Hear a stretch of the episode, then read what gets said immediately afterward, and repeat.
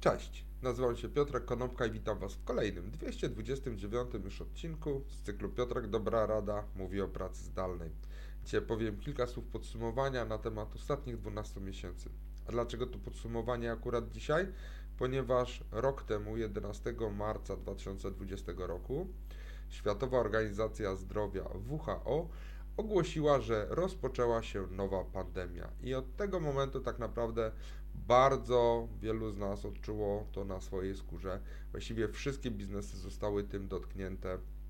Zostało przeorane całe nasze dotychczasowe życie, związane z tym, że bardzo wiele osób trafiło do pracy zdalnej i opuściło całkowicie e, biura swoich firm.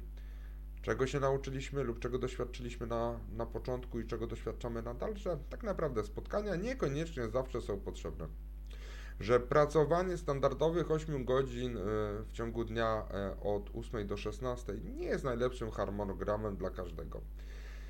Dowiedzieliśmy się też tego, że siedzenie przy biurku wcale nie oznacza bycia produktywnym, a niektórzy z nas odczuli, że tęsknią za kolegami z pracy bardziej niż się tego spodziewali. Niektóre firmy zamierzają zostać w 100% zdalne po pandemii, inne, takie jak na przykład Reddit czy Microsoft, mówią, że będą pracowały w modelu hybrydowym, natomiast e, niektóre firmy rozważają, że po zakończeniu pandemii wrócą do pracy stacjonarnej w 100%. Natomiast jak mówi Andrew Hewitt, jest to starszy analityk y, rynku w firmie e, Forrester, mówi tak, że wiele firm odnotowało sukces pracując w 2020 roku w modelu zdalnym, ponieważ wszyscy robili to i nie było e, tak naprawdę preferencji pomiędzy pracą zdalną bądź pracą stacjonarną. Nikt nikogo nie e, dopieszczał tym, że pracuje zdalnie bądź stacjonarnie i pracownicy zdalni nie byli stygmatyzowani. I na początku, jak był szok, to się nagle okazało, że na przykład taka firma, która e, przetwarza oceny biznesów e, dawane przez konsumentów, firma Yelp, nagle musiała znaleźć 3000 komputerów i szef informatyki tej firmy powiedział, mieli jakieś zapasowe, ale nie mieli 3000 laptopów na stanie. Z kolei Fran e, Katsoudas jest to szef HR-u w firmie Cisco. Cisco jest to producent hardware'u mm, internetowego, hardware'u sieciowego, powiedział później, że rozpoznali, że pracownicy trafiają do nich po wskazówki odnośnie właściwie wszystkiego, pandemii, tego jak żyją, tego jak być bezpiecznym jak jest niebezpiecznie na zewnątrz, to się dla nich nagle zaczęło zdawać e, normalne i stawać normalne, że w trakcie spotkań rozmawiali o rzeczach związanych z medycyną, e, mieli spotkania z osobami, które udzielały wsparcia emocjonalnego i również na tym samym spotkaniu było dyskutowane e, kwestie strategiczne i operacyjne dotyczące samego biznesu.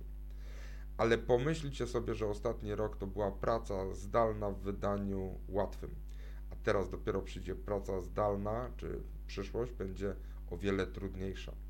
Ponieważ teraz, y, jeżeli pracowaliśmy w modelu zdalnym, wszyscy robili dokładnie to samo, każdy miał równy dostęp do informacji i promocji. Ale pamiętajcie, że przed pandemią praca zdalna była bardzo mocno stygmatyzowana i czasami byli, ci pracownicy byli oceniani jako mniej produktywni. E, I najlepszym przykładem tego jest to, że w 2013 roku ówczesna szefowa Yahoo powiedziała, że kończy z pracą zdalną całkowicie i wszyscy pracownicy wrócili do biur.